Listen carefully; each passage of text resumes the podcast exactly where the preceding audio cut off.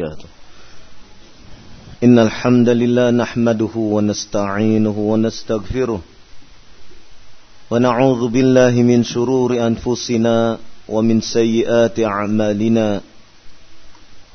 من يهده الله فلا مضل له ومن يضلل فلا هادي له. أشهد أن لا إله إلا الله وحده لا شريك له. وأشهد أن محمدا عبده ورسوله. يا أيها الذين آمنوا اتقوا الله حق تقاته ولا تموتن إلا وأنتم مسلمون. يا أيها الناس اتقوا ربكم الذي خلقكم من نفس واحدة وخلق منها زوجها وبث منهما رجالا كثيرا ونساء. واتقوا الله الذي تساءلون به والأرحام. إن الله كان عليكم رقيبا. يا أيها الذين آمنوا اتقوا الله وقولوا قولا سديدا. يصلح لكم أعمالكم ويغفر لكم ذنوبكم. ومن يطع الله ورسوله فقد فاز فوزا عظيما. أما بعد فإن أصدق الحديث كتاب الله وخير الهدي هدي محمد صلى الله عليه وعلى آله وسلم وشار الأمور محدثاتها. فإن كل محدثة بدعة وكل بدعة ضلالة وكل ضلالة في النار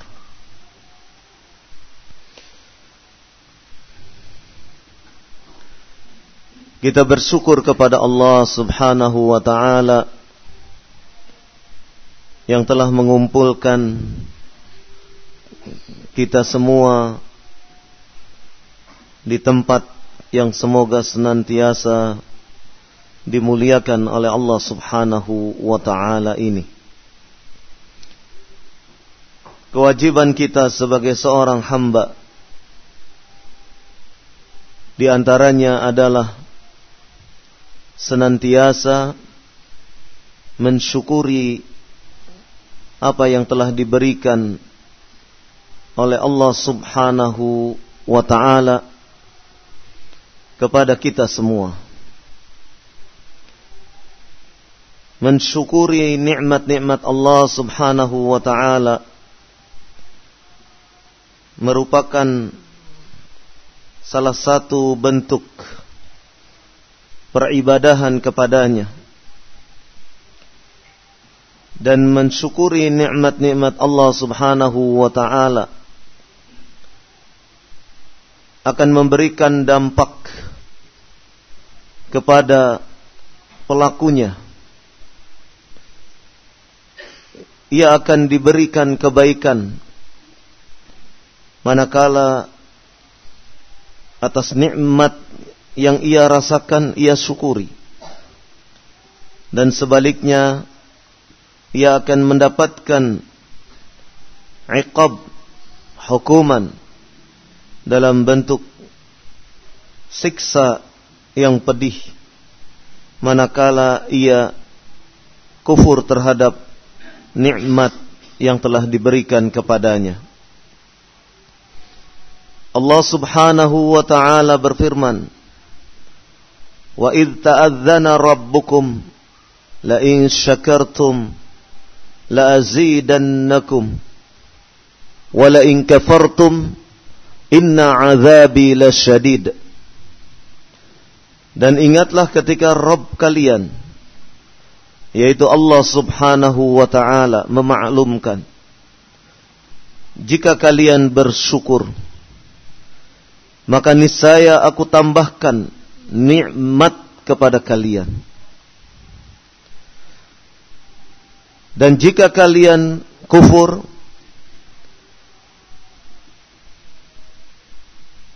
Sesungguhnya siksaku amatlah keras.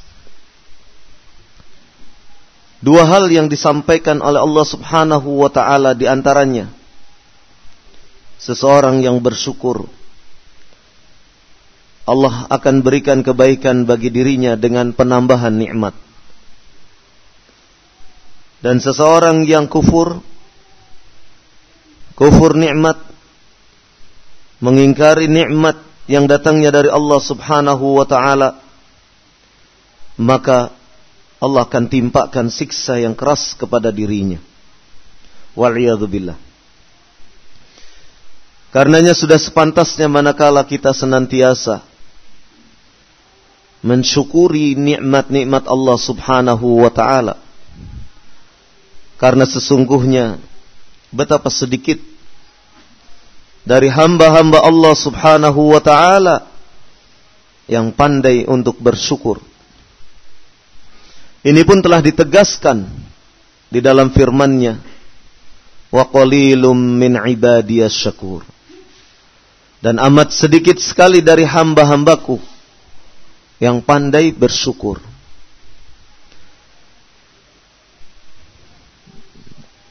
Syukur terhadap nikmat-nikmat Allah Subhanahu wa taala bisa dalam bentuk bil qalb dengan hati yaitu mengakui bahwasanya segenap nikmat berasal dari Allah Subhanahu wa taala. Bukan lantaran karena kepiawaian dia. Bukan lantaran karena kepandaian yang ia miliki. Bukan karena ilmu yang ada pada dirinya. Tetapi ia akui sepenuh hatinya bahwasanya nikmat yang ia rasakan semata-mata karena Allah Subhanahu wa taala. Demikian juga nikmat mensyukuri nikmat bisa dalam bentuk bil lisan dengan senantiasa mengulang-ulang nikmat itu, menyebut-nyebut nikmat tersebut. Sebagaimana diungkapkan oleh Syekh Ibnu Utsaimin rahimahullah untuk mencontohkan bahwasannya mensyukuri nikmat itu dengan lisan yaitu dengan menyebut-nyebut nikmat tersebut. Beliau rahimahullah menyebutkan contoh tiga orang Bani Israel dalam kisah tiga orang Bani Israel.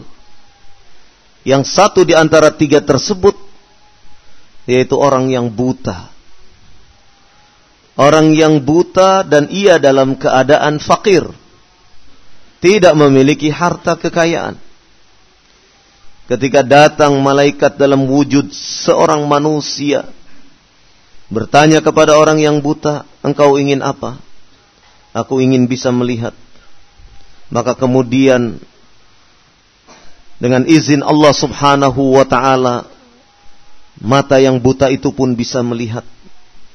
Dan kemudian orang yang buta ini pun diberi. Binatang ternak untuk kemudian dikembang biakkan. Ketika binatang ternak ini dikembang biakkan dan orang yang buta ini sudah dalam keadaan hidup yang penuh kesuksesan, maka kemudian orang yang buta ini pun didatangi seseorang, Ibnu Sabil, yang terputus perbekalan ketika safarnya. Maka orang yang sebenarnya ini adalah malaikat menyerupakan sosok seorang manusia. Meminta kepada sesuatu, meminta sesuatu kepada orang yang asalnya buta. Kemudian kata orang yang asalnya buta ini, dulu saya ini buta. Dulu saya ini fakir. Tidak memiliki apa-apa.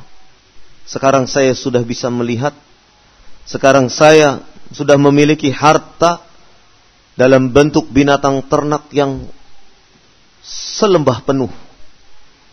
Maka sekarang ambillah apa yang ingin kamu dapatkan dari saya.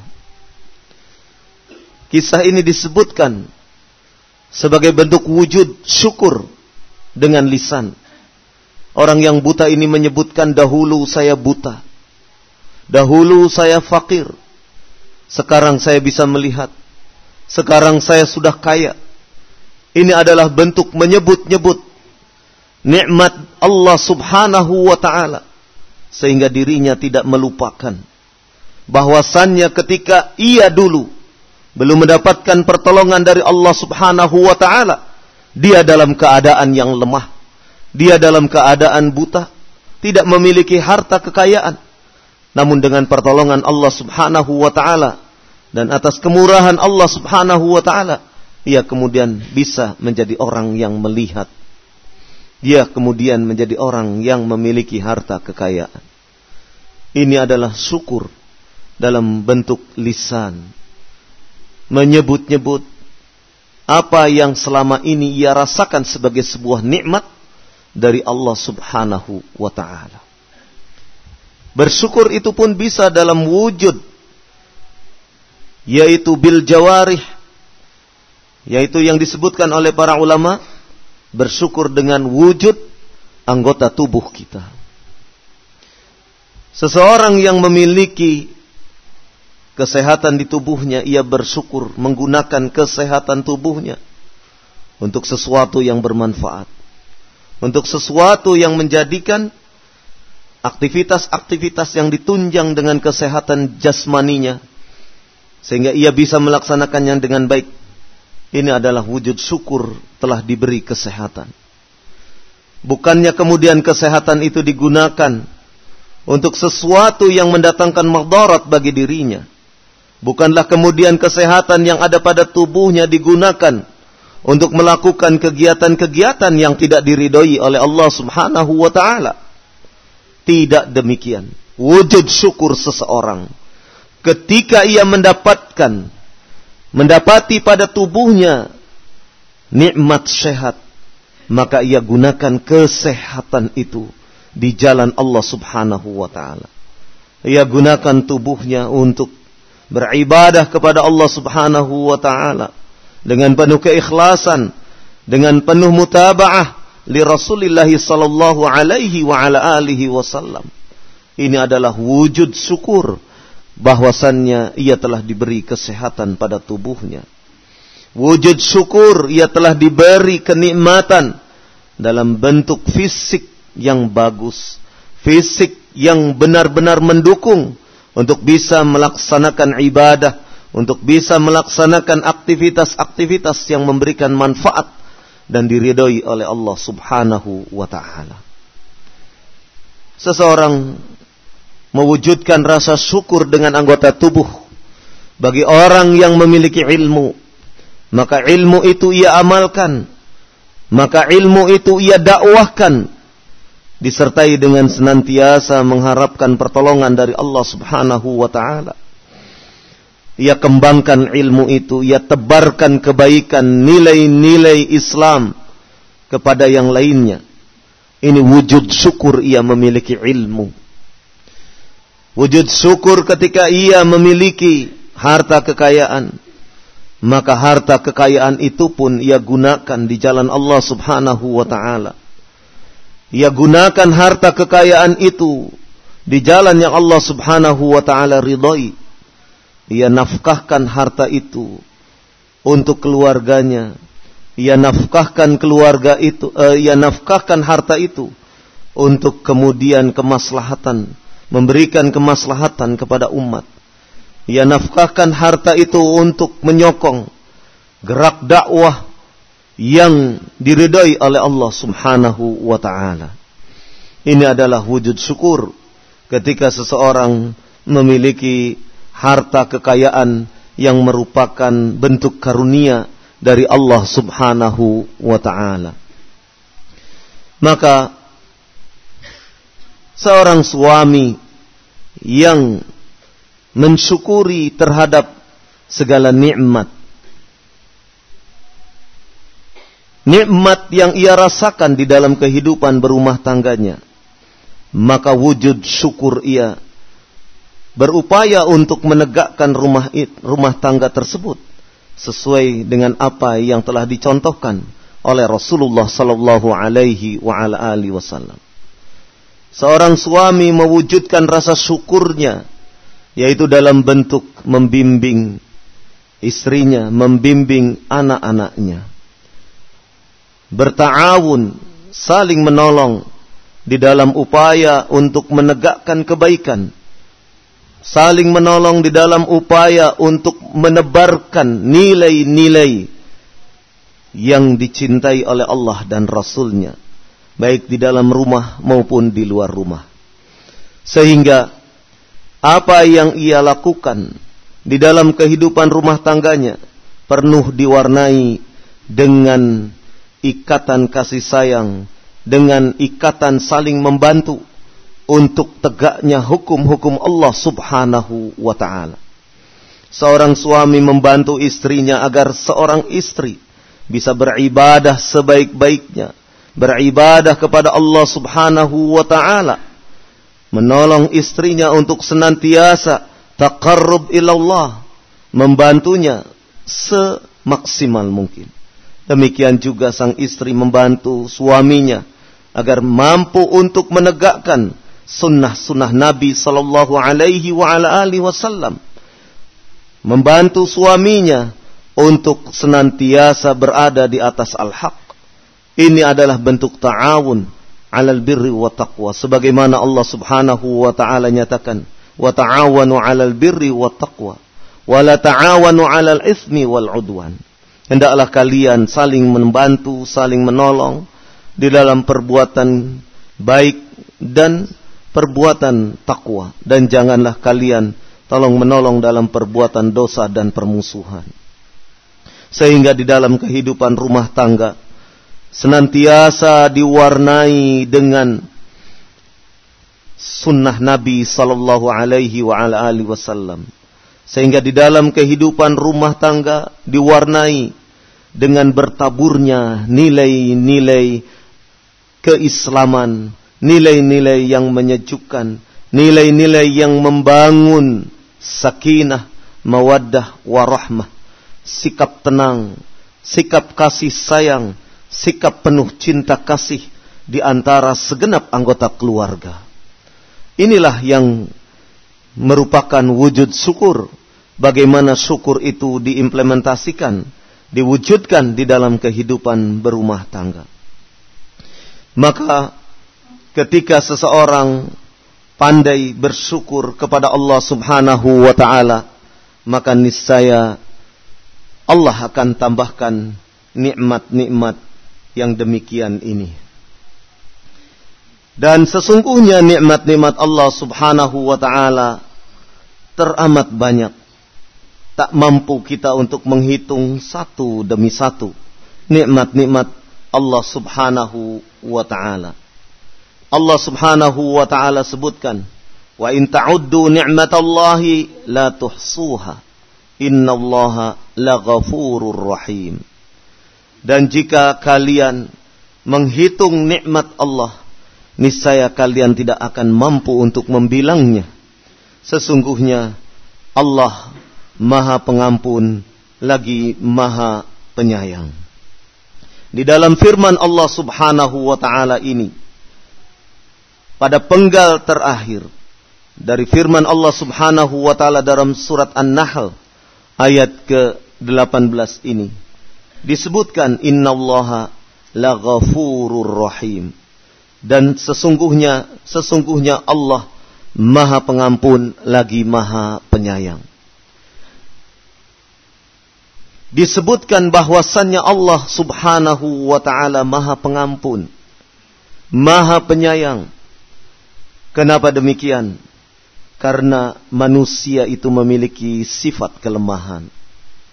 Sedemikian banyak nikmat yang Allah curahkan untuk hambanya. Namun akan sedikit ia bersyukur. Dan sekian banyak nikmat-nikmat itu mungkin terlepas, terlalaikan untuk tidak disyukuri. Maka dalam keadaan yang demikian inilah Allah Maha Pengampun, Allah Maha Penyayang. Allah memaafkan. Allah memaafkan hambanya yang mungkin terlewatkan atau mungkin terlalaikan nikmat yang semestinya ia syukuri kemudian terlepas tidak ia syukuri innallaha laghafurur rahim Sesungguhnya Allah Maha Pengampun lagi Maha Penyayang. Allah memaafkan kelemahan hamba-hambanya yang tak mampu untuk setiap nikmat itu disyukuri. Mungkin ada yang terlepas, mungkin ada yang terlalaikan, sehingga ia tidak mampu untuk mensyukurinya. Dan Allah Maha Pengampun, lagi Maha Penyayang. Kemudian di dalam firman Allah Subhanahu wa taala surat Ibrahim ayat ke-34 Allah Subhanahu wa taala berfirman, "Wa in ta'uddu ni'matallahi la tuhsuha. Innal insana la zalumun kaffar." Dan jika kalian menghitung nikmat Allah, kalian niscaya tidak akan mampu untuk menghitungnya. Sesungguhnya manusia itu la zalumun kaffar. Sesungguhnya manusia itu sungguh amat zalim dan amat ingkar. Di dalam penggal akhir daripada ayat ini, Allah menjelaskan tentang tabiat manusia. Tabiat manusia yang bersikap zulum, bersikap zalim, bersikap ingkar, kafar, sangat ingkar. Kenapa?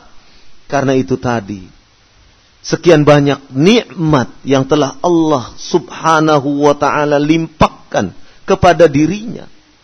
Masih ada di antara nikmat-nikmat itu yang mungkin diingkari, dikufuri oleh manusia. Sehingga manusia berbuat zalim. Maka ini adalah bentuk tabiat manusia. Maka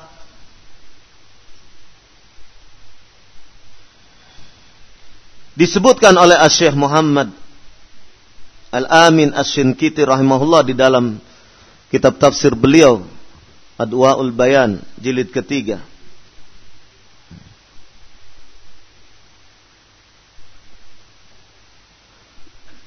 Qala fadalla dzalika ala taqsiri bani Adam fi syukri tilka ni'am wa anna Allah yaghfiru liman taba minhum wa yaghfiru liman syaa ay yaghfir lahu dzalika taqsir fi syukrin ni'am maka dua ayat tersebut yaitu dalam surat An-Nahl ayat ke-18 dan surat Ibrahim ayat ke-34 di mana Allah Subhanahu wa taala berfirman Wa in ta'uddu ni'matallahi la tuhsuha innallaha laghafurur rahim Kemudian firman Allah Subhanahu wa taala wa in ta'uddu ni'matallahi la tuhsuha innal insana la zalumun kafar. Kata Syekh Muhammad Al-Amin As-Sinqiti rahimahullah menyebutkan bahwasannya maka yang demikian ini menunjukkan ayat di atas menunjukkan atas sikap kurangnya Bani Adam. Ya, sikap kurangnya manusia itu bersyukur terhadap nikmat-nikmat yang telah Allah Subhanahu wa taala berikan kepadanya. Dan sesungguhnya Allah Subhanahu wa taala mengampuni kepada siapa saja yang bertaubat ya, dari kalangan hamba-hambanya. Dan Allah Subhanahu wa taala akan mengampuni siapa saja yang memohon ampun kepadanya. Ya. Zalika taksir fi syukrin ni'am. Yang demikian ini adalah wujud kurangnya sikap manusia di dalam bersyukur atas nikmat yang telah Allah Subhanahu wa taala berikan kepadanya.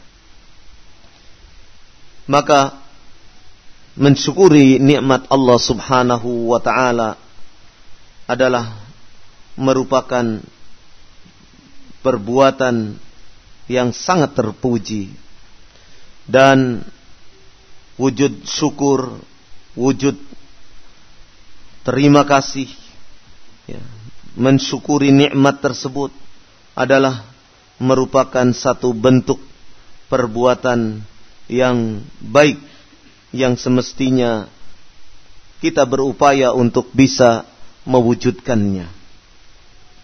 Termasuk syukur adalah bersyukur kepada Allah Subhanahu wa taala adalah merupakan sikap seorang muslim manakala saudaranya mendapatkan nikmat dari Allah Subhanahu wa taala.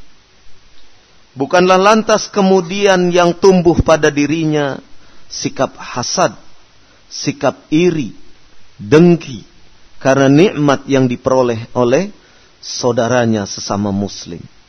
Tetapi yang ia tunjukkan sikap yang sebenarnya adalah dalam bentuk wujud syukur kepada Allah Subhanahu wa taala manakala saudara kita sesama muslim mendapatkan nikmat dari Allah Subhanahu wa taala. Sikap yang ditunjukkan oleh para malaikat ketika para suhada uh, ketika orang-orang yang beriman menunjukkan mahabbah saling berkasih sayang antara sesamanya. Ketika ia di dunia mewujudkan saling berkasih sayang terhadap sesamanya, terhadap orang-orang yang beriman. Kemudian di akhirat ia mendapatkan pahala dalam bentuk mimbar-mimbar yang terbuat dari cahaya. Maka mimbar-mimbar yang terbuat dari cahaya itu diberikan oleh Allah Subhanahu wa taala kepada orang-orang yang saling mencintai karena Allah Subhanahu wa taala.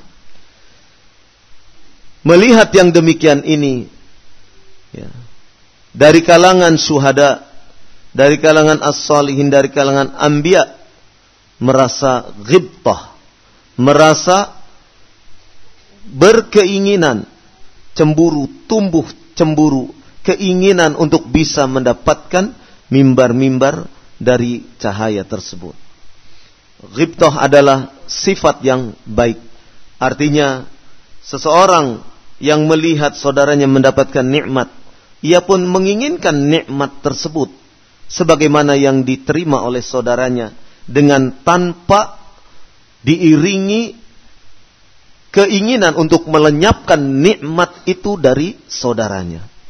Ini adalah bentuk ghibtoh. Bentuk yang seperti ini adalah sesuatu yang diperbolehkan. Sebagaimana sikap sebagaimana yang ditunjukkan oleh para suhada as-salihin dan para anbiya ketika hamba-hamba Allah Subhanahu wa taala menerima mimbar-mimbar dari cahaya yang diberikan Allah Subhanahu wa taala kepada hamba-hambanya yang saling mencintai karenanya. Ikhwafiddin azakumullah. Ini adalah bentuk syukur. Yaitu bentuk untuk senantiasa memiliki sikap ya, sikap yang terpuji manakala saudaranya mendapatkan kenikmatan-kenikmatan dan bukan kemudian yang ditumbuhkan adalah sikap iri, sikap dengki, hasad untuk kemudian menghilangkan nikmat itu dari saudaranya. Tidak demikian. Oleh karenanya, ya, para salafun soleh sudah memperlihatkan kepada kita ya, sikap apa yang ia tunjukkan terhadap sesama muslim ketika sesama muslim ini orang-orang muslim ini mendapatkan nikmat dari Allah Subhanahu wa taala. Ketika saudara kita seiman, ya, ketika saudara kita yang muslim mendapatkan nikmat dari Allah Subhanahu wa taala, mendapatkan sesuatu yang menggembirakan, maka di antara sikap yang kita tunjukkan adalah mensyukuri ya, mensyukuri terhadap nikmat yang telah diraih oleh saudara kita tersebut. Ya. Dan ini adalah hal yang telah dicontohkan. Selain itu tentu kita memiliki sikap yaitu turut bergembira manakala saudara kita sesama muslim mendapatkan nikmat tersebut Ya. Saudara kita bergembira, kita pun menunjukkan kegembiraan. Ya. Dan inilah yang telah dicontohkan oleh salafun saleh. Dan bahkan kegembiraan itu ditebarkan, disampaikan kepada yang lain sebagai bentuk kabar gembira bahwasannya saudara kita telah mendapatkan karunia, telah mendapatkan nikmat, telah mendapatkan keutamaan dari Allah Subhanahu wa taala. Mau azan dulu? Mari kita melihat kehidupan salafun saleh. Ketika saudaranya mendapatkan kenikmatan, ketika saudaranya mendapatkan karunia dari Allah Subhanahu wa taala.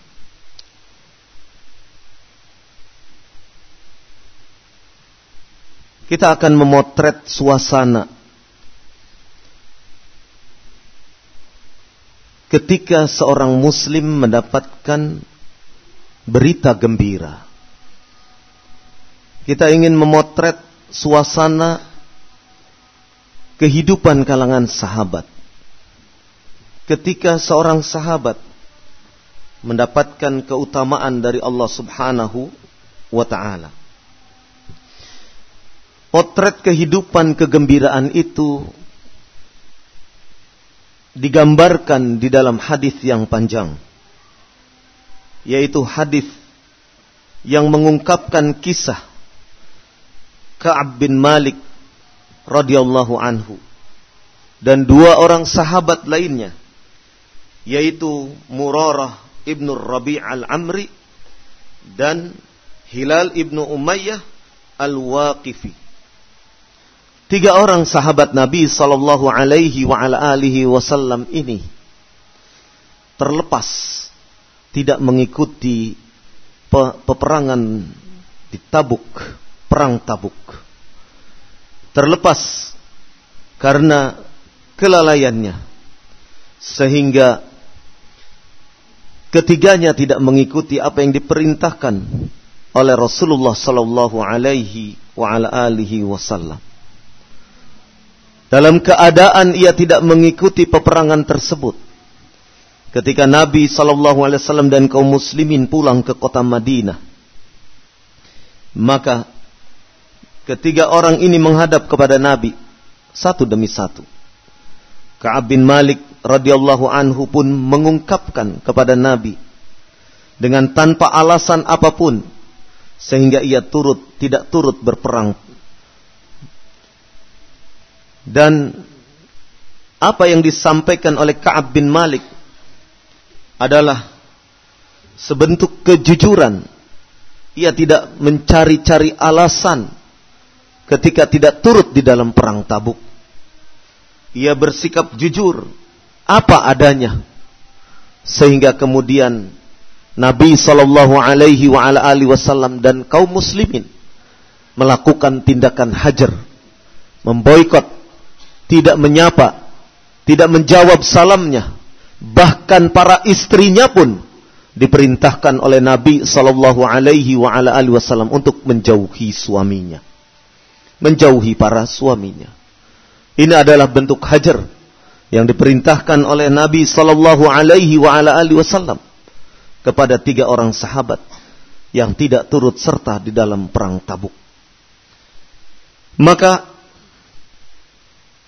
Ka'ab bin Malik radhiyallahu anhu menghadap kepada Nabi sallallahu alaihi wasallam dengan penuh kejujuran, dengan polos dengan apa adanya tanpa mencari-cari alasan untuk kemudian mendapatkan uzur, mendapatkan maaf dari Nabi sallallahu alaihi wa ala alihi wasallam.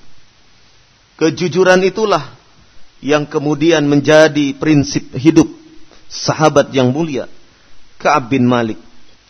Sebagaimana beliau beliau radhiyallahu anhu menyebutkan, "Wa qultu aku katakan" Ka'ab bin Malik radhiyallahu anhu mengatakan kepada Rasulullah sallallahu alaihi wasallam, Ya Rasulullah, Inna Allah Ta'ala innama anjani bisidqi wa inna min taubati an la uhadditha illa sidqan ma baqitu.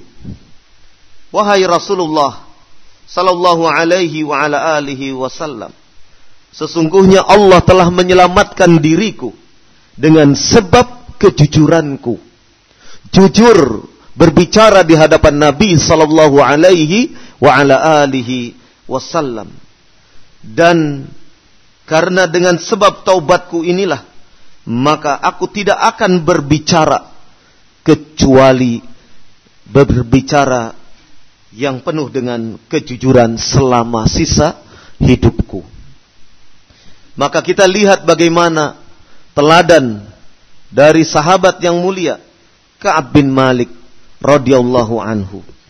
Ia sedemikian terpukul keadaan mentalnya ketika Nabi sallallahu alaihi wa ala alihi wasallam menunjukkan sikap hajar, sikap memboikot terhadap dirinya.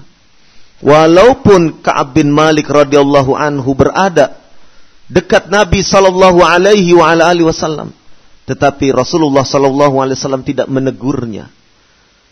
Demikian juga ketika salam kepada para sahabat yang lain, para sahabat pun tidak menjawab salamnya. Sehingga kemudian Ka'ab bin Malik pulang ke rumahnya dan senantiasa menangis.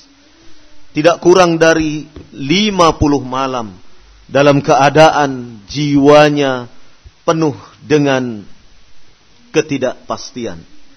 Namun pada malam yang ke-50 sebagaimana disebutkan di dalam hadis ini. Thumma sallaitu salat al-fajr sabaha khamsina laylatin ala dhahri baitin min buyutina.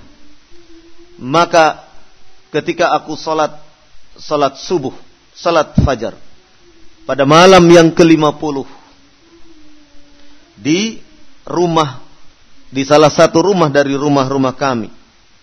Fabaina ana jalisun alal hali allati dzakarallahu taala minna. Yaitu ketika kami duduk ketika kami duduk dalam keadaan yang telah disebutkan oleh Allah Subhanahu wa taala. Qad daqat alayya nafsi wa daqat alayya al-ardu bima rahubat.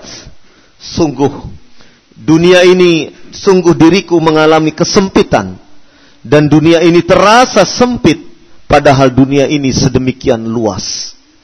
Lihatlah keadaan jiwa Ka'ab bin Malik radhiyallahu anhu ketika menghadapi hajar dari Nabi wasallam dan kaum muslimin. Hidupnya terasa sempit, dunia ini terasa kecil padahal dunia ini sedemikian luas yang seluas-luasnya. Qala sami'tu sawta sarih aw fa'ala sal'in yaqulu bi'a'la sautih. Kemudian aku mendengar suara yang sangat jelas, suara dari arah Bukit Sal'a. Bukit Sal'i. Suara yang sedemikian keras itu menyebutkan, Ya Ka'ab ibn Malik abshir. Wahai Ka'ab ibn Malik, ya, abshir ada kabar gembira. Ada kabar gembira. Fakharartu sajidan. Maka ketika mendengar suara itu, aku tersungkur, bersujud. Wa araftu annahu qad jaa faraj. Aku mengetahui sesungguhnya telah datang ya, telah datang sikap lapang itu telah datang kesenangan itu, kenyamanan hati. Fa'adana Rasulullah sallallahu alaihi wa ala alihi wasallam an-nasa bi taubatillah azza wa jal alaina hinna salat salat al-fajr yaitu ketika Rasulullah sallallahu alaihi wa ala alihi wasallam mengumumkan kepada segenap para sahabat kepada segenap orang bahwasannya taubatnya Ka'ab bin Malik radhiyallahu anhu telah diterima oleh Allah Subhanahu wa taala. Rasulullah Shallallahu Alaihi wa ala alihi Wasallam mengumumkan bahwasanya taubatnya Ka'ab bin Malik radhiyallahu anhu itu telah diterima oleh Allah Subhanahu wa taala diumumkan ketika salat fajar. Fadhahaban nasu yubashirunana. Maka kemudian orang-orang pun pergi untuk menyampaikan kabar gembira tersebut. Lihat suasana yang sedemikian menyenangkan. Melihat saudaranya mendapatkan keutamaan. Melihat saudaranya mendapatkan berita gembira. Maka yang lainnya pun turut bergembira. Wujud kegembiraan itu ditunjukkan oleh para sahabat. Ya. Yaitu, Qala fadhahaba qibala sahibayya mubashiruna. Maka kemudian ada yang pergi ke arah dua orang sahabat untuk menyampaikan berita gembira tersebut. Yaitu dua orang sahabat yang lainnya selain Ka'ab bin Malik. Qala wa raqaba rajulun ilayya farasan. Di antara mereka ada yang ingin menyampaikan berita gembira ini dengan naik kuda. Ini suatu bentuk bagaimana sik sikap gembiranya ya, seorang mukmin ketika mukmin yang lainnya mendapatkan keutamaan, mendapatkan nikmat. Wa sa'asa'i min aslama qibali wa awfa 'alal jabal. Kemudian ada pula yang berjalan dari kalangan aslam berjalan ke arahku dan kemudian dari atas bukit Wa kana sautu asra'a minal faras. Dari atas bukit ia sudah berteriak-teriak. Dan suaranya lebih cepat dari laju larinya seekor kuda. Falamma ja'ani alladhi sami'tu sautahu yubashiruni. Maka ketika ia telah sampai di hadapanku,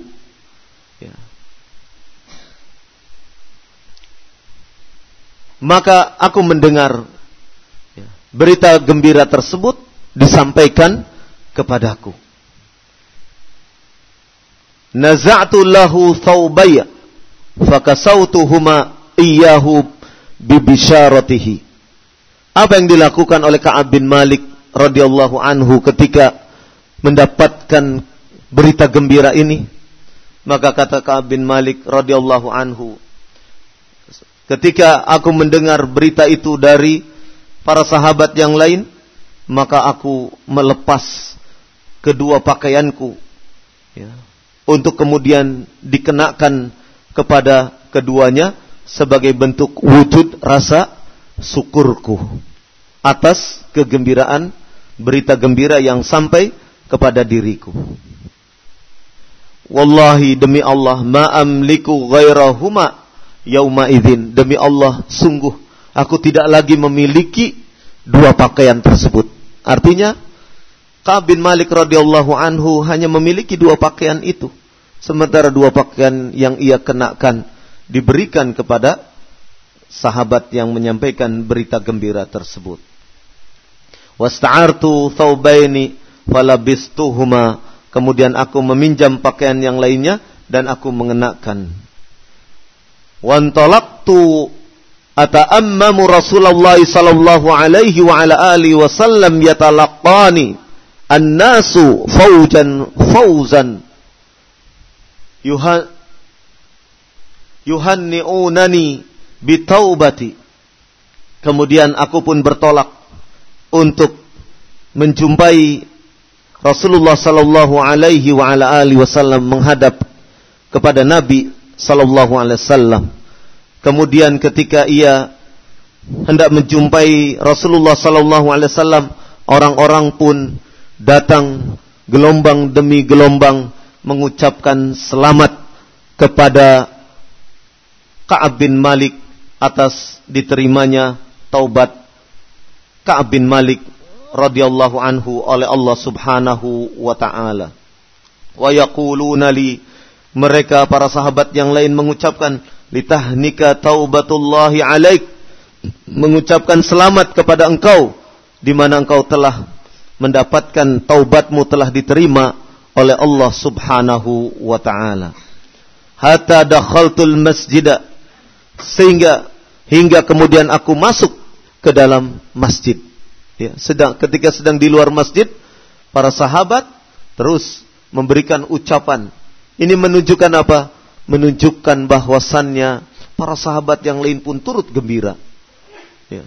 Dengan kegembiraan yang dirasakan oleh Ka'ab bin Malik radhiyallahu anhu. Faida Rasulullah sallallahu alaihi wasallam jalisun haulahu nas. Ketika Ka'ab bin Malik masuk ke dalam masjid, ketika itu Rasulullah sallallahu alaihi wa ala alihi wasallam tengah duduk dikitari oleh para sahabat yang lain. Faqama Talha bin Ubaidillah radhiyallahu anhu yuharwilu hatta safahani ya. wahanna'ani ya, kemudian berdirilah Talha bin Ubaidillah radhiyallahu anhu untuk bergegas menyambut kedatangan Ka'ab bin Malik kemudian bersahal, bersalaman dan kemudian mengucapkan selamat. Ya. Ini reaksi respon yang ditunjukkan oleh para sahabat Nabi sallallahu alaihi wasallam ketika mendapati saudaranya ya, mendapati saudaranya dalam keadaan ya, ia mendapatkan keutamaan, ya, mendapatkan kebahagiaan, ya, mendapatkan karunia dari Allah Subhanahu wa Ta'ala, yaitu dengan menunjukkan jiwa riang, jiwa gembira. Ya. Ini adalah contoh bagaimana salafun saleh menyikapi terhadap saudaranya yang mendapatkan kesenangan, yang mendapatkan kegembiraan. Mudah-mudahan sedikit potret gambaran yang diberikan oleh salafun saleh bisa menjadi contoh teladan bagi kita semua. Wallahu taala a'lam. Subhanakallahumma wa bihamdik asyhadu an la ilaha illa anta astaghfiruka wa atubu ilaik wa sallallahu ala nabiyyina Muhammad walhamdulillahi rabbil alamin